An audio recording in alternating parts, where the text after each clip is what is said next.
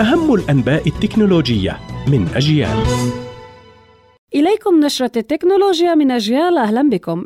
شركة إنفيدا تكشف عن نموذج جديد للذكاء الاصطناعي يمتاز بقدرته على تحويل المحتوى ثنائي الأبعاد إلى محتوى ثلاثي بدقة عالية، وقالت عملاقة التقنية الأمريكية إنه يمكن للنموذج الجديد إعادة البناء ثلاثية الأبعاد باستخدام الشبكات العصبية، ويمكن لصناع المحتوى المحترفين استرداد الصور ثلاثية الأبعاد المتشابهة متشكلة من المحتوى الثنائي إلى تطبيقات التصميم والتعديل عليها لاستخدامها في الفن وتطوير ألعاب الفيديو والريبوتات شركة ميتا المالكة لتطبيق التراسل الفوري واتساب تعلن إدخال تغييرات جوهرية توصف بالثورية على التطبيق من أكبر التحديثات على الإطلاق.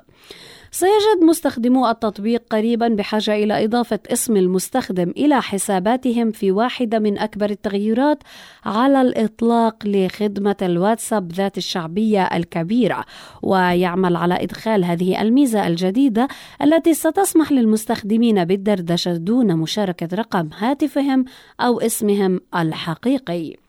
شركة جوجل تزيل 32 إضافة ضارة من سوق Chrome Web Store ويمكن أن تغير نتائج البحث وتدس الإعلانات غير المرغوب فيها.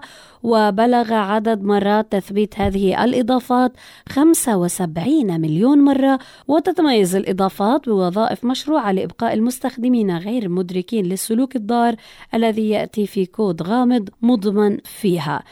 هذا ما كان لدينا في نشرة التكنولوجيا من أجيال قرأتها عليكم ميسم البرغوثي. إلى اللقاء.